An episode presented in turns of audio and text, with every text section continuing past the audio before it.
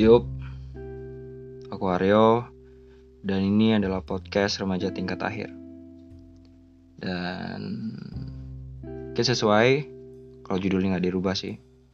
Ini tentang perjalanan atau pengalaman manusia, anak-anak lah, dari 19 ke 20, aku dan dari 20 ke 30. Di sini ada mbakku, Mbak Riri. Say hi. Hai. Karena malam kita jadi agak berbisik. Najis sekali. ya. Jadi kita ngomongin soal perbedaan kali ya, perbedaan pola pikir ketika ketika aku sekarang masih dari belasan ke ke umur 20 pas sebulan ya gak sih ya sekarang tanggal Iya, tiga oke. Kurang Pas- ya. Kurang kurang dua minggu eh empat minggu beneran kan aku menghitung Dia Tuhan, always ya beginilah dia. Selalu menghitung hari ulang tahun ya. dan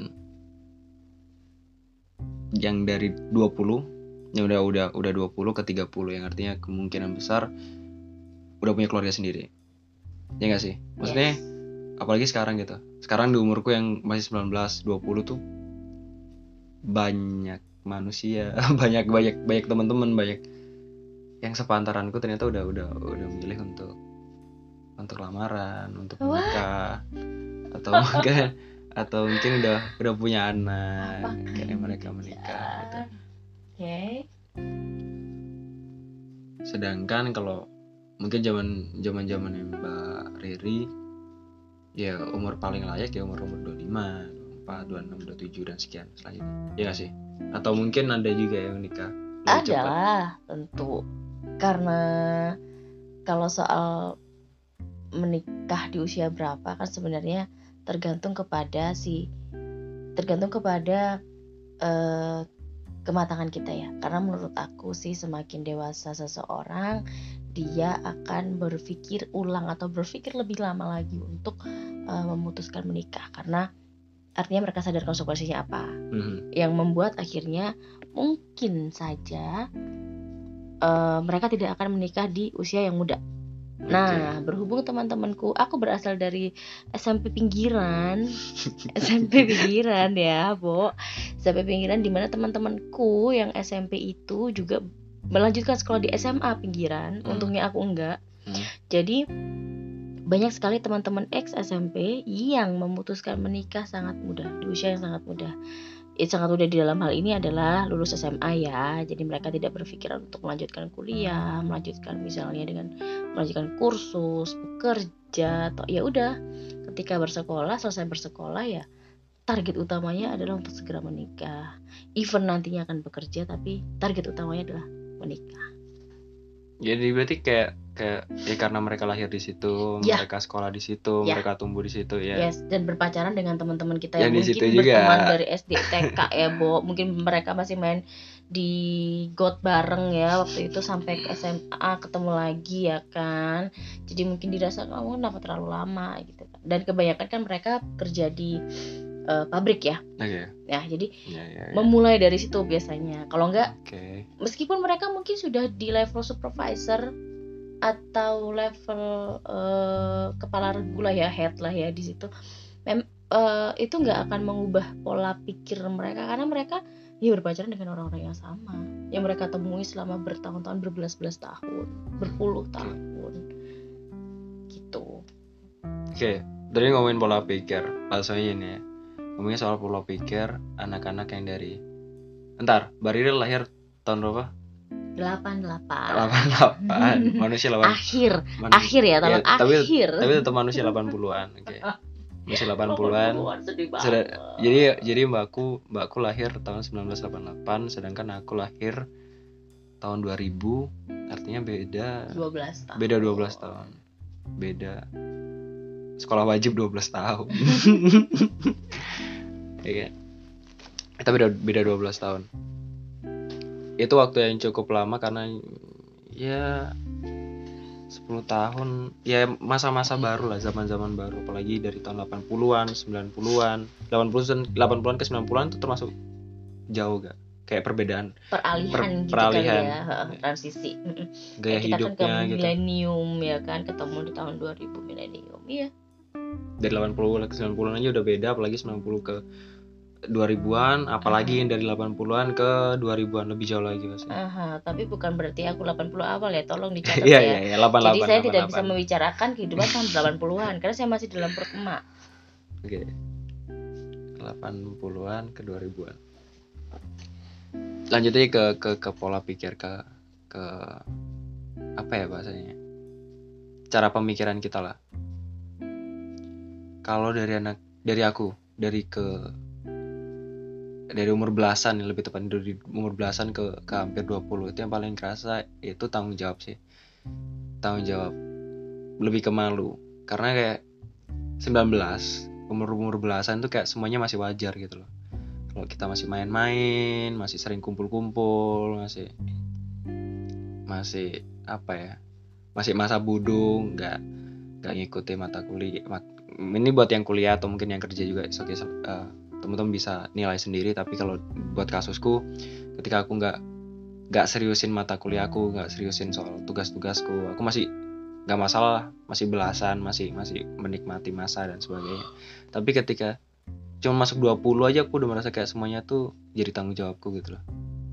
Walaupun sebenarnya ya apa pun yang tak lakukan ya tanggung jawabku sih. Jadi tanggung jawabmu atau maksudnya lebih bertanggung jawab? Lebih jadi tanggung jawabku. Lebih bertanggung jawab nggak lebih jadi itu tanggung jawabku. Jadi kayak mau nggak mau aku harus tanggung jawab atas hal itu gitu loh. Hmm. kalau bertanggung jawab kan artinya aku mau mau ngambil hal itu kan. Mm-mm. ya kan aku memutuskan untuk ngambil itu sebagai tanggung jawabku. Tapi kalau umur 20 aku merasa kayak ya ini sudah jadi tanggung jawabmu kamu mau nggak mau harus menerima hal-hal ini gitu loh. Mm-mm. gitu. Itu sih yang paling paling kerasa. Pola pikir. Kalau dari sisi itu ya. Mm. eh mungkin perbedaannya adalah yang perlu digarisbawahi adalah sebuah kondisi di mana eh, kondisi tertentu akan menentukan sikap dan keputusan yang akan kita ambil di usia tertentu. Hmm. Dalam hal ini mungkin eh Aryo Dito saja Dito saja ya atau Mas saja terserah terserah nggak enak panggilan, manggil panggilan. adik yang dengan panggilan kata anda bagaimana Mhm. Eh, dalam hal ini Toan me- me- Toan melewati masa kuliah. Hmm. di mana tah umur 19 itu aku sedang struggling untuk memenuhi segala kebutuhan yang ada di rumah. Ya, dalam arti dalam arti aku nggak menikmati masa itu. Hmm. tidak melewati masa itu. Jadi nggak bisa dikompar tetapi mungkin ya benar. Kalau ngelihat dari temen-temenku dulu tahun segituan umur segitu umur 19-an ya mereka mulai getol-getolnya kuliah kan getol-getolnya kuliah. Seru masih main pacaran sana sini. Yang gonta-ganti pacar lah ya yang mereka nggak pernah ada kepikiran uangnya dari mana. Mungkin let's say katakanlah mereka kepikiran. Tapi bukan untuk suatu pekerjaan yang tetap bukan suatu penghasilan yang tetap. Sedangkan aku harus struggling untuk dapat penghasilan tetap. Di mana aku nggak sempet tuh berpikir yang namanya kuliah. Jadi eh dalam hal ini kita nggak bisa melihat bahwa umur 19 itu harus begini begini begini. Enggak nggak bisa dipatok begitu karena Hmm. kita berada pada satu kondisi yang berbeda. Bisa saja sekarang temennya Toan yang nggak melewati masa kuliah dia harus menikmati masa mudanya dengan menikah. Bisa Iya, toh? Iya juga. Jadi di, di mana itu mungkin berarti harus bertanggung jawab bukan lagi menjadi tanggung jawab. Iya. Harus bertanggung jawab karena mereka melakukan dan mereka siap untuk menikah komitmen. Yang nggak bisa dikompar dengan anak umur 19 yang menikah Hmm, gitu. Jadi bukan soal usia tapi soal kondisinya seperti apa mentalnya seperti apa. Karena ketik mental itu akan terbentuk ketika kita melalui su- suatu kondisi di mana kita bisa menghadapi itu. Belum tentu ketika Toan diperhadapkan pada kondisi menikah belum tentu sekuat teman-temannya Toan yang melakukan Iya, itu. iya. even atau eh Toan diperhadapkan harus bekerja di, di usia tersebut nggak nggak bisa kuliah dulu misalnya. Ya akan berbeda sikap yang akan diambil untuk menghadapi suatu masalah. Jadi dalam hal ini betul normalnya umur 19 mungkin masih hahaha sana sini mat keluar malam mingguan yang yang penting dapat sangu ya kan? Dapat sangu dapat sangu buat main. Terus eh mata kuliah. Oke benar benar benar tuh tadi sampaikan. Mungkin iya mungkin iya. Tapi aku nggak karena aku nggak ngalamin aku tidak bisa Oke, mengkonfirm tersebut gitu.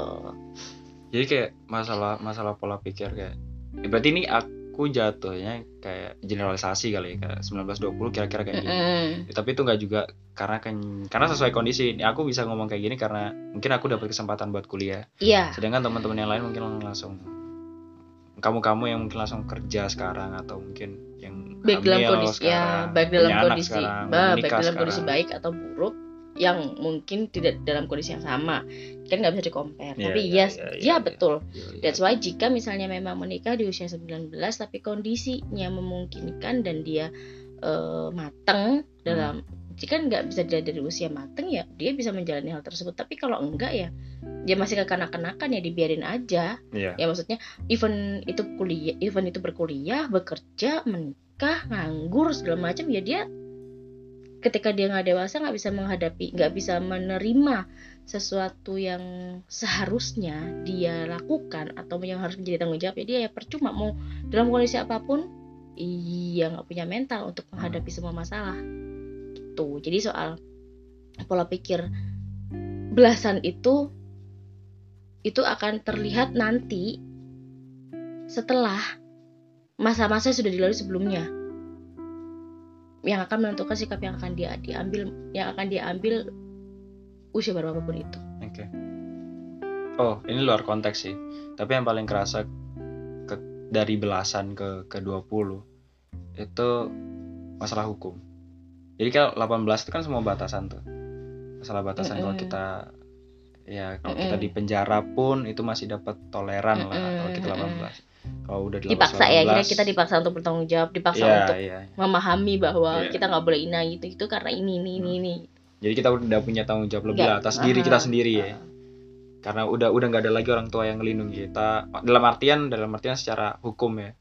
harus secara sadar kita sa- harus Iya. secara sadar memahami hal tersebut Hmm. Termasuk negara juga udah nggak ada Mm-mm. toleran-toleran intinya. Begitu. Kalau dari 20 ke 30, apa sih? Apa yang paling kerasa? 20 ke 30 Hmm. keberlangsungan hidup. Ada mana Mas? Makan. 20 ke 30 kita, eh, kita 20 bulan panjang ya, 20 iya bulan 20 panjang. 20 tua ya maksudnya ya. 20 ke atas 25 ke atas ya.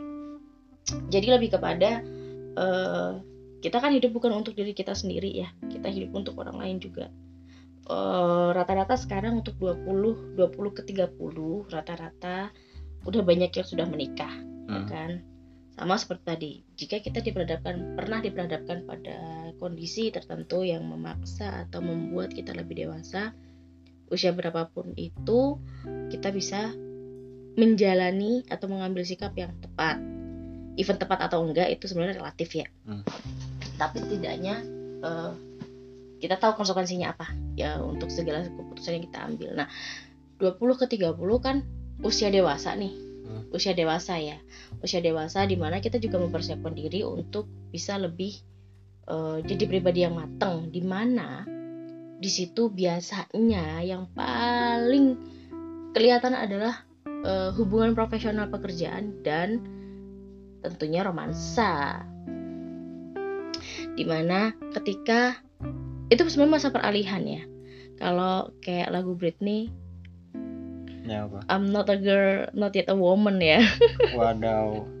jadi Mohon maaf kawan-kawan sekalian yang taunya adalah boy band Smash dan Cherry Bell pasti Najong. tidak memahami hal itu. Saya saja tidak paham itu lagu jadi judul lagu si Britney Spears ini adalah eh, I'm not a girl not yet a woman jadi dia ada Oke, di oke. tengah ya Ya, transisi ya, ya, di mana ya. eh, ketika kita udah bilang I'm not a girl artinya oke gue juga udah bukan cewek-cewek ciwi-ciwi yang bukan anak-anak, tapi kalau dibilang dewasa juga Eh, belum gitu bukan kan. ciwi-ciwi remaja yang eh, apa ih aku udah di misalnya kita kayak naksir cowok atau naksir cewek terus yang kayak cuman sekedar jalan gini doang jalan doang yang cuman kayak makan apa beli es krim atau apa udah yang deg-degan banget sampai berapa hari dipikirin tapi kalau udah not yet a woman I think lebih ke lebih berat ya dalam arti ya udah biasa bisa Hmm. jadi kita malah nggak berasa kalau itu sebenarnya Oke. suatu suatu pendekatan atau apa pun itu ya karena, karena semakin dewasa kan kita biasanya kalau semakin dewasa apalagi untuk orang-orang yang eh rada apa ya rebel oh rebel sih enggak lah. Rada takut akan komitmen. Biasanya mereka tuh menghindari kan pastinya. Iya. jadi ya mereka santai aja menganggap semuanya teman. Nggak nggak nggak nggak berfokus pada satu orang. Nggak berfokus pada satu titik gitu doang. Nah apalagi itu masa pencariannya mereka. Di mana masa pencarian itu apa ya pekerjaan yang cocok sama aku? Apa ya minat yang paling sesuai sama Bentar, aku yang menghasilkan uang? Tadi ini asik. Kan kalau dari belasan nih, kayak dari aku ya. Dari belasan ke 20 itu kan udah termasuk masa pencarian kan. Mhm. Itu kan udah mencari-cari itu. Bahkan kalau kita yang kuliah pun yang contohnya habis lulus SMA atau SMK Mm-mm. langsung kuliah, itu kan umur 21 bukan 21. Oke, kayak 21, 22 mereka udah lulus harusnya. Itu kan mereka udah masuk masuk pen- pencarian mereka gitu ya. Mereka bisa Mhm. pencarian jati diri entah itu dari jurusan kuliah mereka atau nanti Mhm, mereka mhm. kerja di mana itu mereka Mhm, udah cari. mhm. Tadi Mbak Ri bilang kan umur 20 sampai 30 -an. pencarian Itu juga. masih pencarian juga. aha aha Umur 20 sampai 30-an yang yang mungkin mereka udah bertanggung jawab atas orang lain, Iya. itu masih pencarian. Iya dong. Karena kan pencarian yang pencarian yang dimaksud di sini adalah pencarian yang sudah melewati beberapa pengalaman hidup ya, Bo. Meskipun dibanding yang 40-an ya dibanding yang 50-an ya jauh lah, tapi ini penting ibaratnya kalau kalau apa ya? Hmm, usia balita tuh usia 3 sampai 5 tahun usia emas ya, golden age ya.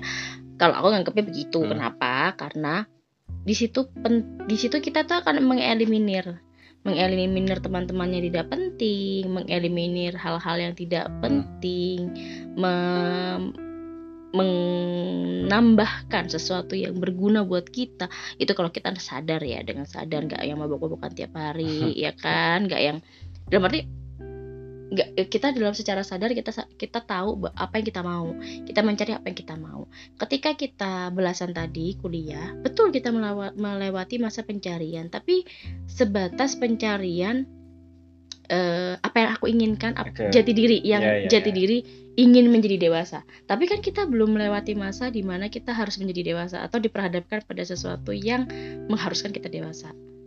Belum ada pengalaman yang membenturkan kita yang kecuali memang kita em, sudah melewati beda cerita ya. Tapi kalau belum kita kondisi normal itu kan belum. Kan kehidupan kita sebatas kuliah berteman hahihi nongkrong mengerjakan tugas be- berkencan sana sini ya kan yang mungkin gak serius ya kan. Nah sedangkan di usia 20 30 kan kita langsung sudah akan berpikir oke eh, artinya 20 ke 30 bisa jadi kita sudah memikirkan kencan yang serius. Oke. kencan yang serius itu bukan berarti menikah kan? Ya. bukan tapi setidaknya adalah orang yang pengen ad- orang yang pengen eh orang yang kita pengenin ada buat kita sampai kapan pun atau setidaknya selama yang kita mau ya kan? Either nanti putus atau apa itu beda cerita. Tapi dia adalah orang yang kita inginkan untuk mendampingi kita dalam masa itu.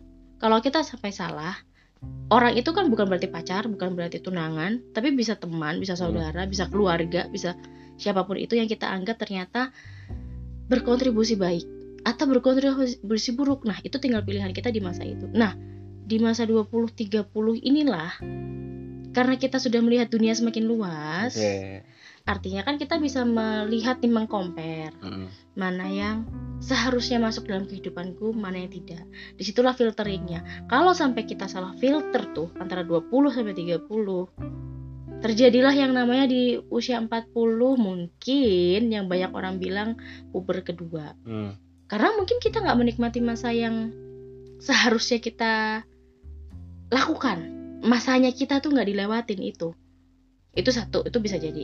Kedua, adalah karena kita nggak pinter ngefilter tadi. Artinya kebawalah itu sampai lama sampai tua. Ya kan?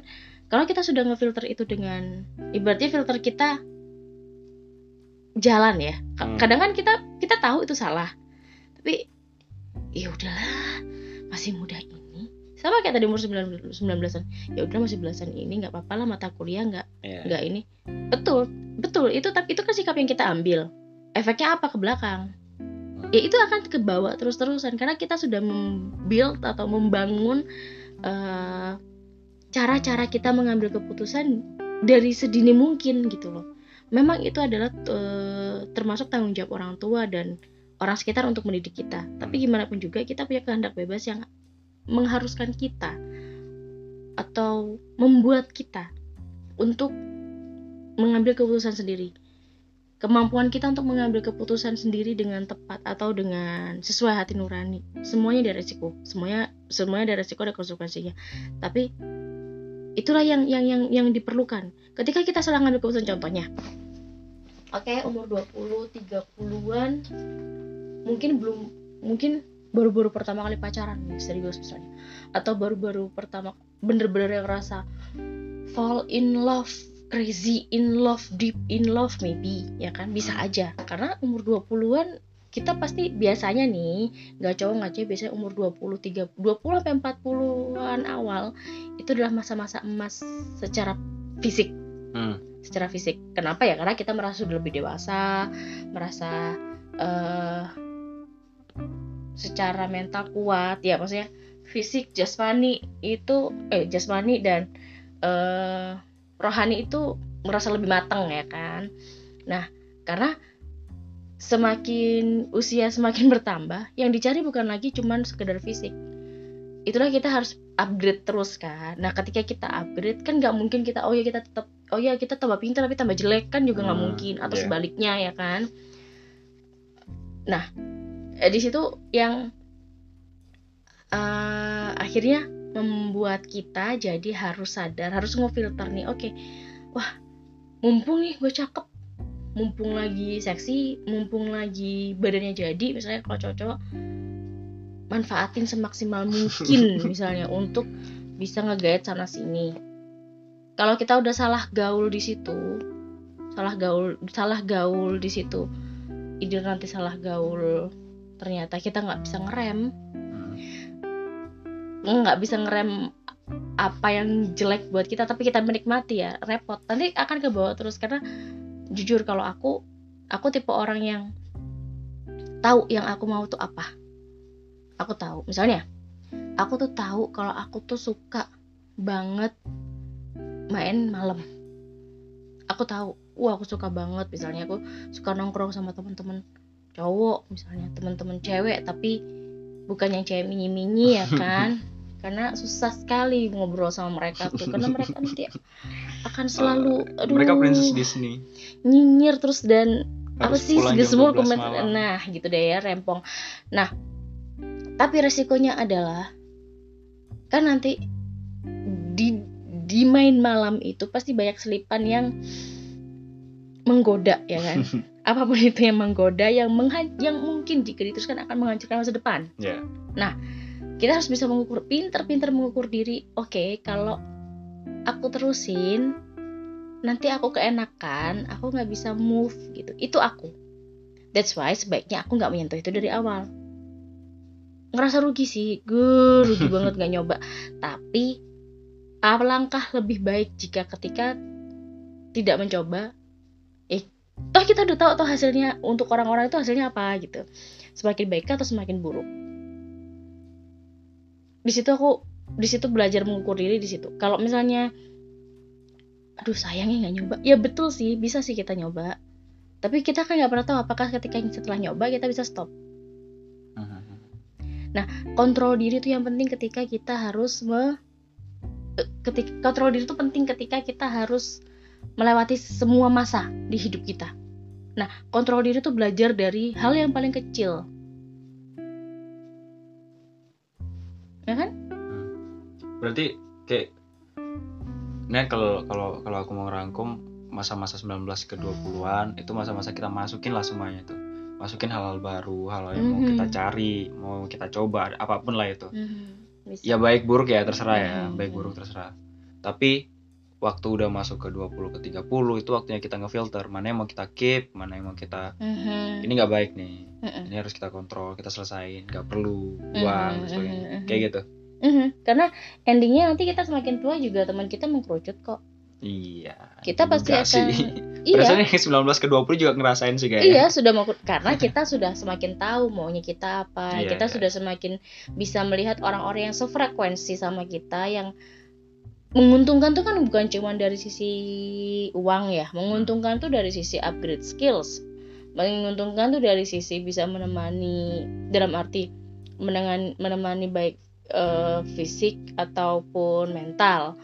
Ada orang ada teman-teman kita nggak butuh orang-orang yang judgmental kita hanya butuh orang yang bisa ngedengerin kita sebusuk apa pun kita. Mereka tapi tetap nemenin kita. Kita nggak butuh toxic relationship kita nggak butuh toxic friendship ya.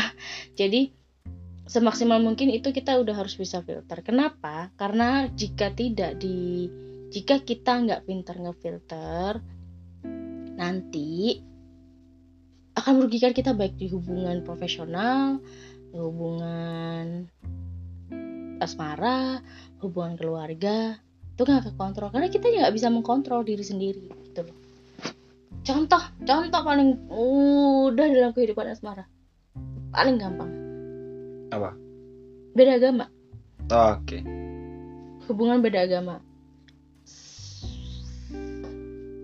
Dengan slogan yang sudah biasa ini, cinta nggak salah, ya kan? Hmm. Tapi kenapa kita, karena kita beda, kita nggak bisa sama-sama? Ya iya, kan udah tahu. Dan ini mewakili masyarakat belasan ya. Aku nggak tahu sih aku juga punya beberapa teman juga. Mungkin banyak temen juga yang yang yang mereka mungkin hobi banget kali ya kayak gitu. Maksudnya persyaratan seiman itu bukan sebuah prioritas nah, ya kan? bukan sebuah prioritas. Masalahnya, eh kalau soal hubungan antara manusia dan Tuhan hanya mereka sendiri yang tahu Iya, masing-masing. iya, Kita iya, tidak iya. bisa menjudge eh, orang itu mau dia eh, terlihat beriman atau tidak beriman, terus eh, memutuskan berpacaran berpacaran atau menikah dengan yang tidak sama iman, tidak seiman. Poin yang mau diambil di sini adalah bukan soal pacaran tidak eh, bukan soal pacaran beda keyakinan Hmm, tetapi pada sikap kita atau eh, kontrol kita tentang hal-hal yang tidak kita ketahui nanti tapi kita sudah bisa kontrol dari sekarang. Untuk hal-hal yang sudah jelas-jelas berbeda prinsip kita paksain iya, atas nama cinta. Iya. cinta bisa hilang. Sekali lagi cinta bisa hilang. Karena sometimes dasar cinta adalah fisik. Yoi. fisik di mana? Fisik nanti akan berkembang tadi yang misalnya kayak kebaikan hati, ke intelijensi, eh, apa pun itu ya, Hmm.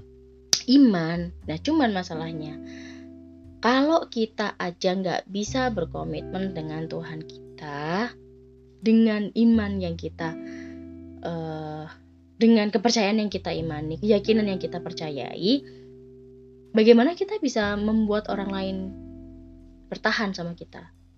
manusia bertahan dengan kita. Kalau kita sendiri mengingkari sesuatu yang kita percayai. Oke, kalau kalau dari pengalaman yang aku tahu misalnya perjalanan spiritual seseorang itu tidak bisa disamakan satu sama lain. Betul sekali. Yes, betul.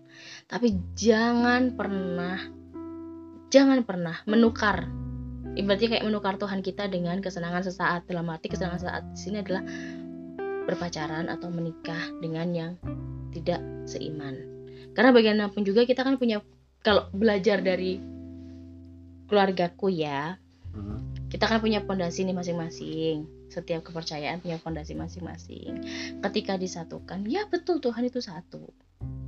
Kalau Ya. Tuhan itu memang satu, kan nggak perlu ada cara ibadah yang berbeda, ya. nggak perlu ada eh, apa pun yang berbeda Hmm. dari ketuhanan tersebut. Artinya Tuhan itu satu. Tapi pada kenyataannya kan enggak. Hmm, Aku mempercayai bahwa Tuhan adalah Tuhan Yesus. Yang lain mempercayai bahwa eh, Allah Maha Besar. oke. Yang lain mempercayai eh, Banyak lah itu. ya itu. Di mana itu kan ternyata tidak bisa disamakan. Iya. Ya kan? Nah, artinya tidak sama tetap mau bilang Tuhan itu satu tidak sama karena toh kita belum lihat belum lihat beneran kan Tuhan itu satu atau dua atau tiga atau empat atau Hmm. lima ya kan kita hanya tahu yang kita percayai bahwa aku percaya bahwa Tuhanku adalah ini ini ini ini aku percaya bahwa ini ini ini ini nah itu cukup. Ketika kita memutuskan untuk pacaran eh, beda keyakinan as long as as long as kita tahu konsekuensinya atau as long as suatu saat akan diputuskan siapa yang akan ikut siapa jika memang itu jika memang itu adalah salah satu eh, syarat misalnya setiap orang tua pasti mau syarat, syaratnya adalah itu seiman Iya, ya kan? iya, iya, otomatis iya, ya kita harus iya, iya. memenuhi dong. Kecuali kita tinggal di sono no Amerika no ya yang itu tidak menjadi masalah. Oke berhubung kita tidak artinya kita harus itu jadi prioritas. Karena jangan sampai jadi masalah ke depan. Nah kalau misalnya memang dari awal kita komit oke suatu saat mungkin ak- aku yang akan pindah atau pasanganku yang akan pindah. Go ahead. Berarti kalian tahu konsekuensinya Ya, even itu dianggap menukar Tuhan atau tidak ya it- ki- manusia nggak bisa judgement ya. Iya. tapi ya artinya tak kalian tahu konsekuensinya. Oke go ahead. Tapi kalau misalnya enggak aku akan berpegang teguh. Sedangkan yang satu juga iya. Ya udah nggak usah lama-lama. Karena kalian akan membuang banyak sekali waktu Hmm. Yang seharusnya bisa sangat mudah dinikmati dengan orang lain. Ya ya ya, yang ya. kita bisa punya waktu lebih banyak untuk mengenal orang lain lebih baik. Daripada menghabiskan waktu dengan orang yang kita kenal yang udah kita kenal baik oke. Pacar misalnya. Terus gak jadi gitu. Karena kita sebenarnya tahu dari awal mungkin bisa jadi. Nah kita harus membuang waktu itu. Terus kita kelewat tua kelewat putus asa Hmm. kelewat tidak bergairah atas apa pun yang Iya. membuat kita menghancurkan diri kita sendiri. Dan orang lain. Dan pasangan kita kan pada akhirnya. Dan orang tua kita. Apa nggak stres orang tua kita ngeliat umur kita udah cukup harus menikah nggak mau nikah menikah? Ya betul stres. Meskipun kita nggak harus menikah atas tuntutan seseorang ya tapi kan itu hal-hal bodoh yang menurut aku bodoh. Hal-hal bodoh atau hal-hal yang yang seharusnya bisa dihindari dari awal. Jadi kalau kita punya pemikiran itu nggak tahu kenapa kalau aku kebetulan kayak filter kayak seleksi alam aja. Hmm. jadi entah kenapa tiba-tiba kalau udah ada yang beda keyakinan ngedeketin ya biasa aja. Oke. Even pernah ada lah yang yang sampai serius? yang agak nggak serius juga sih cuman agak lama ya. Tapi Oke. itu pun kita juga itu bukan untuk bukan hubungan jangka panjang. Mungkin hubungan hanya jangka pendek yang hanya minggu bulan doang udah selesai. Karena ya even perasaan itu tumbuh. Nah sebelum perasaan itu tumbuh terlalu dalam ya stop. Karena kan kita diperbudak nafsu. Hmm. itu namanya hanya kita diperbudak nafsu. Sama kayak kita mungkin kita suka apa mungkin kita suka make ya kan? Kita mungkin suka drugs misalnya. Hmm. Itu kan hanya nafsu kita kita bebas kan? berbicara di sini karena Ya. tidak ada yang mengatur sudah ya oke karena kan kita bahasa-bahasa kotor silahkan Kan? dikeluarkan kalau drugs atau even seks ya kan Hmm. atau even minum atau even apa pun itu ya, ya itulah yang paling mudah kita disebutkan ya Ya. as long as kita tahu batasnya go ahead kita tahu konsekuensinya. Oke lo minum berarti konsekuensinya mabuk. Ketika lo mabuk lo akan eh, lupa nah ini ini ini. Lo akan terlambat kuliah lo akan terlambat kerja nah ini. Terlambat kerja konsekuensinya bisa dapat SP bisa dipecat. Terlambat kuliah konsekuensinya bisa nggak bisa mengikuti mata kuliah berikutnya dan lain-lain. Hmm. itu kita tahu konsekuensinya. Kalau udah tahu konsekuensinya go ahead. Karena berarti kalian nggak akan mengeluh. Oke. Berarti kalian tahu oh berarti aku akan telat lulus. Oh berarti aku akan sulit mendapat pekerjaan. Kalau sudah tahu sih silahkan ya karena kalian yang akan menanggung akibatnya sendiri tidak menyalahkan orang lain. Itu. Ya kan? Kalau misalnya kita nggak nggak nggak kalau misalnya kita nggak tahu konsekuensinya ya cari. Kan kalian punya temen kalian punya ini. Jangan jangan terlena dengan hal-hal yang kita tahu akan melumat kita habis gitu loh. Ini ngomongin soal hubungan lagi ya. Nggak aku nggak tahu kenapa tapi anak-anak di masaku sekarang ya, anak-anak. Ya mungkin sekarang umur 19 atau 20 itu udah kayak kalau punya pacar kalau punya pasangan pun itu yang seakan-akan kayak kita akan bersama Menikah selamanya gitu. Banyak yang kayak gitu dan dan aku lihat juga itu saya juga bingung sih ya. Dan kalau kalau kita mau mencaci maki mereka tapi buktinya mereka juga bertahun-tahun gitu loh. Mereka setidaknya setahun dua tahun tiga tahun bahkan itu mereka tetap masih jalin hubungan di umur yang Hmm. yang masih muda gitu loh dengan dengan banyak konflik ya entah itu beda agama lah atau atau ternyata kita kita nggak ngomongin soal kelas sosial ya cuman itu kan juga jadi masalah kan. Emang dari itu juga. Kalau dari dari sisi anda sebagai manusia tolong bedakan antara tolong bedakan antara setia dengan tidak mau berubah tidak mau atau sayang karena udah lama? Ya kan tidak mau berubah. Hmm. tidak mau melihat kemungkinan lain yang mungkin. Sometimes kita terlalu takut untuk menyampaikan bahwa kok kayaknya udah gak nyaman ya. Hmm. kok kayaknya udah hambar. Sometimes kita takut mengatakan itu ini dalam sisi hubungan yang mungkin kita bisa mengatakan ke orang lain. Bahkan kita bahkan nggak berani untuk menanyakan pada diri sendiri kok kayaknya udah hambar ya? Kok kayaknya gue udah nggak aku kayaknya nggak pintar lagi ya? Oh kayaknya aku kok nggak ngerti ini lagi ya?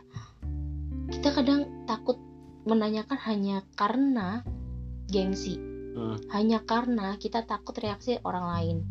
Kalau misalnya ternyata itu eh, hal yang harus disampaikan dalam norma tertentu tentu ya nggak mungkin lah kita langsung brutal secara brutal menyampaikan bahwa gue udah gak sayang kamu lagi sama lu ya lu tahu karena ini nggak bisa dong Hmm. semuanya tetap ada aturannya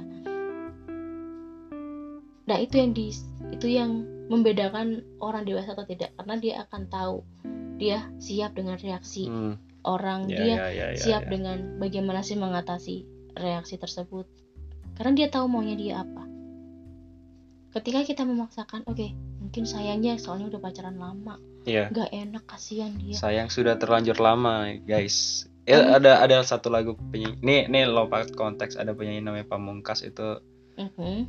itu kesukaan manusia-manusia zamanku zaman oke enggak soal enggak soalnya lagu-lagunya lagu-lagunya tentang tentang patah hati lah, Hmm. tentang yang- yang relate relate relatable kan relatable sama yang patah manusia hati manusia ini iya iya lanjut lanjut lanjut lanjut.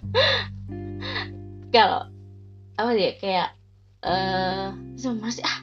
Apa? Sama sih tadi? Ayo, saya juga lupa. Pokoknya intinya gini kalau Konse- tentunya oh iya iya iya, iya, iya. paham paham paham Ah.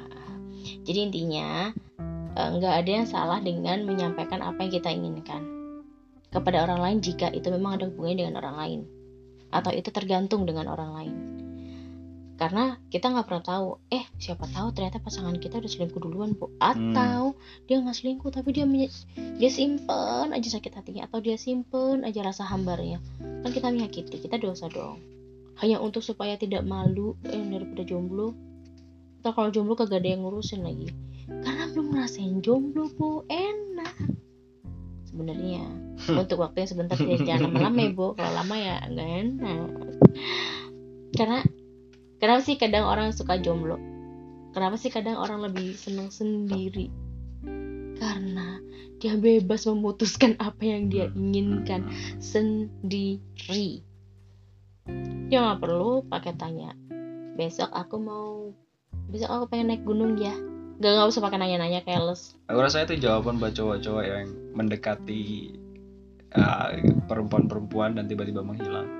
Bukan karena dia nggak mau menjalin hubungan, Ya, I see. karena dia menikmati kejombloannya. oke Aku saya Ah. kenapa saya mengatakan dengan senyum-senyum, Pak? Setan sekali saya. karena ada yang suka menghilang ya Enggak. ghosting ghosting gitu ya kalau itu sih lebih kepada gini ini out of context ya Iya, iya, iya, dari iya. itu karena sebenarnya laki-laki lebih tepatnya laki-laki yang paling sering mereka punya guanya guanya sendiri Mm. cave-nya sendiri Mm. untuk melarikan diri melarikan diri dari apa? Dari apa pun. Bisa aja dari kita cewek-cewek yang cerewet banget atau dari orang tua yang kelewat overprotective atau dari segala segala kegiatan dia yang menuntut dia selalu ada. Hmm. sometimes orang butuh break kan? Iya. bedanya sikap yang diambil laki-laki atau perempuan berbeda. Mungkin kalau perempuan breaknya nggak perlu sampai menghilang kalau laki-laki iya nah karena udah stereotip ya kan laki-laki suka menghilang tiba-tiba akhirnya jadi seakan-akan itu sifat yang buruk Padahal kalau kita sebagai perempuan yang ngerti, sebagai pasangan yang mengerti, teman perempuan yang mengerti, ketika mereka ghosting biarin aja. Ketika mereka ghosting mereka juga nggak nyalain kita karena kita nggak nyari kok enggak. Mereka malah bahagia karena kita nggak nyari. Nanti ada waktunya kalian mencari. Nanti tunggu aja sehari dua hari tiga hari baru cari. Nggak usah lebay yang kayak setiap kali minggu di mana di mana di mana. Kecuali emang ada tanda-tanda mungkin dia akan dibunuh seseorang gitu ya. Atau ada tanda-tanda dia sepertinya kok akan bunuh diri. Nah itu beda cerita bo. Lo mesti ngikutin terus dong ya kan? Kan kita bisa tahu lah kalau kita mengenal Yeah, yeah, yeah. seseorang. Kalau cuma sekedar habis jalan terus tiba-tiba dia hilang aja gitu ya emang nggak feel emang nggak mau ya mau gimana ya Berarti pada obrolan kali ini, berarti si cowok menang kan? Berarti si cowok it's okay untuk ghosting kan? yes kalau dari Wajar aku, untuk ghosting kan? cowok wajar untuk ghosting. Biasanya cowok ketika ghosting mereka akan menghubungi orang yang paling penting dalam hidupnya. Oke, berarti berbahagia kalian yang tiba-tiba dihubungi. Iya. Even sometimes yang dihubungin adalah temen cowoknya sendiri, maksudnya temen cowok. Ya pasti lah teman cowok. Sama cowok ya. Bromance lah. Atau justru Kok temen bromance? cewek. Oke. Atau justru temen cewek. Boleh bukan berarti temen cewek itu dia taksir nggak? Belum tentu ya. Belum tentu, tapi si teman cewek cukup spesial. Eh, spesial untuk menjadi temannya. Iya. Yes. Oke. Karena kenapa aku bisa ngomong sekonkret ini? Karena aku merasakan hal itu sekonkret ini gitu. Satu dengan suamiku di mana ketika dia ghosting ketika kita masih pacaran, aku nggak ngerti dia ghosting kok. Karena nggak pernah ghosting. Oke dia pernah ghosting sama aku, tapi untuk masalah yang lain bukan karena ilfil sama aku dia masalah yang lain. oke. Cuman kan perempuan udah langsung berasumsi kayaknya gue salah, Ah iya itu juga itu gini, informasi ya. penting. Kalau sebenarnya cowok kalau ghosting itu bukan karena ilfil. Bisa jadi bukan karena ilfil kan banyak hal. Iya. Kalau ilfil kan artinya dia menghilang dalam jangka waktu yang ya udah hilang, nggak bakal dibalik lagi kan? Ya, hilang untuk perempuan itu. Iya. Iya, nah sometimes kan kita nggak tahu. Hmm. Tiba-tiba dia ghosting aja. Terus dia balik lagi. Padahal dia Terus dia menebar menebar buih-buih lagi. Terus dia menghilang no, lagi. no, no, no, no, no. tuh Nah, manusia. itu nah ini yang salah nih, kayak kayak seakan-akan kayak PHP kan. Padahal Hmm. bukan maksud aku gini, baik udah pacaran lama atau pacaran baru baru baru atau udah menikah pun, mungkin kalau menikah ghosting itu akan sangat sulit dilakukan ya karena kita satu rumah ya kan. Seghosting ghostingnya mungkin dia tutup kamar yang ya sendiri lah pokoknya atau kita dis- disuruh minggat gitu kan terus sana ke salon kayak ke mana kayak pergi pokoknya gue mau sendiri ya kan ghosting yang dimaksud di sini adalah dia pernah punya masalah dengan keluarganya. Eh entah keluarganya entah pekerjaannya ya gue lupa ya. Udah lama sih. Ghosting aja gitu. Ghosting itu karena dia nggak pengen menjawab pertanyaan Iya, semua iya, iya, manusia iya, yang ada di iya, dunia ini. Dia pengen sendiri dia pengen me- dia pengen mendengarkan isi pikirannya sendiri. Dia pengen dengar isi hatinya sendiri nanti kalau dia udah siap dia datang sendiri ngomong. Dia baru akan ngomong aku jadi kemarin tuh gini gini gini gini gini. Akhirnya Hmm. lama-lama kita terbiasa dong. Terbiasa oh dia bukan nggak cinta sama aku. Dia Cuman bukan butuh waktu aja. Eh, dia bukan nggak mau ketika ada masalah nggak ditemenin aku. Bukan tapi karena dia memang butuh waktu sendiri. Dia pengen ibaratnya gini ini nggak cuma laki-laki sih sebenarnya. Cuman kalau laki-laki lebih berani aja ghosting ya kan. Hmm. ini lebih kepada gini sih semua orang pasti pengen bisa mendengarkan dirinya sendiri sebenarnya bisa mau bisa tahu apa maunya sendiri bisa tahu apa yang ada di pikirannya sendiri sometimes kalau laki-laki itu kan bukan orang yang multitasking ya Hmm. salah satunya why dia Hmm. butuh ghosting gitu Hmm. loh dia butuh mungkin cuma main game Iya. atau cuma mungkin mau makan doang atau dia mau nonton bioskop maraton Hmm. atau dia mau nonton di rumah maraton pokoknya tenang aja pikiran otaknya nggak ke situ dulu Hmm. ghostingnya seperti itu nah kalau soal ngomong tadi eh, mungkin dia akan menghubungi seseorang itu tipe-tipe itu berarti jelas ya cowok yang ekstrovert pasti menghubungi teman-temannya misalnya temannya cowok dia cuma mau cerita misalnya kayak cewek Hmm. sih sebenarnya jadi curhat-curhat ya Bu. tapi emang begitu ya itu pasti itu manusiawi kok iya, iya. tapi kalau dalam hal ternyata cewek yang dihubungin kan kayak wah gitu nggak juga sih serius gak juga. Karena terbukti aku pun pernah mengalami temanku yang minggat dong. Minggat ya beneran minggat dengan segala permasalahannya yang pelik itu. Yang dihubungin cuma aku. Bahkan minggatnya di rumahku. Ya ini cowok. cowok dong Oke. temanku ya. Kalau dalam hal ini cowok. Karena temanku yang cewek terlalu banyak yang minggat di rumahku juga. Jadi oke. Eh, kalau cewek kan mungkin enaknya karena dia bisa ngomong. Hmm. nah yang sulit itu adalah ketika cowok mereka nggak terbiasa disuruh ngomong ya dari kecil mereka dikasih tahu bahwa kamu nggak boleh nangis, kamu nggak boleh sedih kalau udah maksudnya harus diselesaikan. Kalau jatuh langsung bangun gini. Kan semua orang kalau jatuh juga kadang pengen duduk dulu dong, sakit gitu kan. Bukan menikmati rasa sakit, tapi setidaknya dia tahu melihat bahwa aku juga sakit loh gitu. Aku Hmm. juga butuh diperhatiin. Tapi itu selama di waktu yang masih wajar ya nggak masalah. Waktu sudah sakit dulu nangis terus ya itu salah kembali lagi karena cowok udah biasa dibiasain untuk nggak ngomong akhirnya kan apa dong akhirnya kan dia kayak kita sebagai temen yang ngerti apalagi tipe cowok-cowok yang mungkin nekat kalau dia melakukan sesuatu nanti gimana Hmm. kan merugikan dia merugikan Iya, orang iya, lain iya. ya kan? nah itu yang mesti kita jaga kalau cewek enak bisa ngobrol nah si cowok ini teman eh saya dia menghubungi aku bukan untuk menyelesaikan masalahnya ya. Hmm. cuma sekedar pengen ditemenin bahkan sering nggak pakai ngomong. Cuma diem aja. Itu itu yang keren. Kadang-kadang cowok aja. kadang-kadang cowok kalau datang ke cewek dalam artian dia dalam artian kayak capek banget ke, ke, Aha. terlalu banyak masalah gitu entah dia temen datang atau pacar nih? Ya Oke. dia datang ke cewek entah teman atau Mm. pacar. Dia pasti nggak cerita. Maksudnya Iya. dia membuat pembahasan yang lain. Iya. Tapi si cewek pasti tahu sih. Kalau kita cukup mengenalnya kita tahu even cowok misalnya ceweknya begitu ya kalau cukup mengenalnya pasti bisa membaca situasi itu dong. Ya semoga. Iya kan? Cowok kan otaknya nggak bahkan kalau aku sama temanku ini dia bisa datang malam banget waktu itu cuman buat makan bakso doang. Meskipun tatapannya nanar. Serandom itu. Serandom itu tatapannya nanar. Kita tahu bahwa oh dia lagi ada masalah. Tapi biarin Hmm. aja dia kan belum mau cerita. Paling kita cuma sekedar iseng aja. Kenapa sih ngelamun kayak orang kesambet setan. Udah gitu doang. Dia nggak jawab ya udah cukup. Kalau dia membuka pembicaraan iya nih yang ini." nah baru. Tapi kalau nggak ya biarin aja. Ngapain? Kan nggak semua orang mau cerita saat itu juga. Nanti juga bakal cerita. Hmm. even suami. Ku sekarang. Juga sering tiba-tiba mukanya asem banget. Kita nggak tahu kenapa untuk ternyata dia mungkin punya masalah yang berat yang nggak Hmm. bisa ngomong ke kita. Mungkin nanti ngomongnya. Tapi setidaknya kita jangan nambahin dengan yang apa ya? Kan kita tahu tahu dia oh mungkin dia lagi ada masalah ya. Tapi nggak usah dicecer dengan pertanyaan yang apa apa apa apa apa. Tidak penting sih sebenarnya. Oke. Itu sih. Cuman kadang perempuan kurang bisa menahan diri ya untuk mencecar itu. Nah itu yang nggak bisa diterima sama laki-laki sih kadang-kadang. Aduh jahat banget sudah bukan. Bukan cerewet. Tapi karena kita cuma pengen tahu kita pengen terlibat dalam hal itu. Kita pengen jadi orang yang tahu pertama misalnya.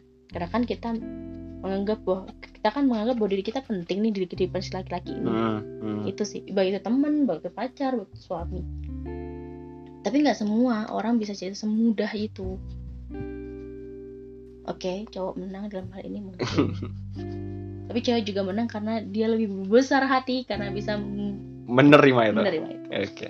Eh ini kita aku nggak tahu kalau ternyata kita udah hampir sejaman Gila. ini termasuk yang terpanjang selama saya membuat ini. Enggak sih. Baru baru beberapa juga bikin. Tapi ini ini terakhir. Ini terakhir. Anda pasti tahu kalau saya saya tertarik dengan kehidupan bebas kan ya? Oh Saya- bebas. saya, Ah, saya ingin sekali, ngomong gitu. mbak baik terus terus. Nah, apalagi umur 19 gitu ke ke belasan ke 20-an aku merasa itu masa-masaku nanti untuk untuk untuk ya mencoba banyak hal. lah. Salah satunya itu. Karena aku aku tahu batasku adalah sekitar umur 30-an tahun sekian, itu udah batasku untuk jadi ya pria yang sesungguhnya udah udah nggak nggak nggak mikirin soal soal senang-senangku lagi gitu loh. Menurut Anda ya sudah melewati masa-masa 25 tahunan yang mungkin masa-masa kamu bisa memilih untuk hidup bebas atau hidup sesuai dengan apa ya? idealismemu mungkin atau kamu mau komitmen atas hal itu ya. Gimana menurutmu? Untuk manusia kayak aku atau atau manusia-manusia lain yang mungkin punya punya pikiran yang sama atau idealisme yang lain ya? asal tuan tahu bahwa aku dulu pernah memutuskan untuk sebaiknya tidak menikah. Oke. itu yang aku pernah aku lakukan karena begitu banyak kondisi lah ya yang di yang dilewatin sempat ber, berpikir sebagai tidak menikah gitu kan. Tapi ternyata ada memang all you need is love. Itu ya jawabannya. Karena pada pada akhirnya akan ada uh, kondisi atau orang yang akan membuat kita break the rules Hmm. break the rules yang meyakinkan bahwa all is well all you need is love itu benar Oke. tapi love itu kan nanti banyak banyak bentuknya gitu nah itu yang mungkin belum kita temuin aja that's why kita punya pemikiran sebebas itu standar lah ya berarti kayak ya sesuai rencanamu lakukan semuanya tapi kamu nggak pernah tahu nanti di depan ini bakal ada apa yang bisa dong. ngeru kayak U-turn kayak tiba-tiba berbalik Iya ngelawan dong. idealisme sendiri gitu iya kan bagaimanapun juga tuh kita berencana Tuhan yang ya klasik kita Mhm. berencana Tuhan yang menentukan. Toh kita berdoanya sama Tuhan kan untuk yang terbaik untuk kita. Nah kalau kata Tuhan yang terbaik untuk kita adalah misalnya menikah atau yang terbaik untuk kita tidak menikah ya kan nanti Tuhan yang kasih jalannya. Kita cuma perlu ngikutin jalannya aja. Semuanya pasti ada jalan kalau kata suamiku ya. Iya. semuanya pasti ada jalan. Tinggal kita mau ikutin itu apa enggak. Dan ketika Tuhan kasih jawaban ya itu jalannya. Nah kita tinggal peka aja karena suamiku pun memutuskan menikah umur 50 tahun kan awalnya ya ternyata dia menemukan orang yang tepat dia memutuskan menikah pada umur 30 tahun Gila, gila, gila. ya kan Eh, tuh Oke. Banyak sekali, banyak sekali informasi, perkataan, cerita dan sebagainya. Eh, Dan mungkin ada satu, Anda tahu kalau saya menginginkan hal itu? Iya Oke, ya sudah berarti saya. karena Eh, oke oke oke oke satu lagi mungkin satu lagi itu udah baru untuk Anda. berarti. iya enggak karena pun aku juga pernah mengalami hal itu Hmm. tanpa aku cerita ke kamu kan sebelumnya. Ya. Artinya mungkin ini dibentuk dari kondisi yang kita alami, kondisi yang Ya, yang telah mungkin, kita mungkin, alami. mungkin, mungkin. Bahkan mungkin saudara kita yang lain, adik eh, mbak-mbak kamu nih, adik-adikku ini, mungkin sebenarnya juga pernah punya pemikiran yang sama. Sama. Karena kita berada dalam kondisi yang sama, melihat role model atau contoh yang sama yang membuat kita punya pikiran yang berbalik dengan eh, kondisi normal Hmm, hmm. karena kita tidak mau mengalami hal-hal yang menyakitkan, melelahkan, dan eh, mematahkan. Itu sih lebih tepatnya. Jadi kita mencoba membuat pilihan yang tidak normal untuk kita jadikan normal versi kita. Yang mungkin yang mungkin toh kita juga belum mengalami itu kan. Kita belum kita baru memutuskan nantinya begini. Hmm. tapi kan kita nggak belum belum belum mengalami atau belum menjalani itu. Ya kan? Sehingga ya sah sah aja kita menganggap itu no- kita berharap itu akan membahagiakan kita nantinya Iya. Oke. Hmm, semakin lama nanti terlalu banyak informasi yang kita sebar untuk umum ya. Jadi kita selesaikan saja. Oke. That's it. Semoga kalian baik-baik aja. Bye. See you. see you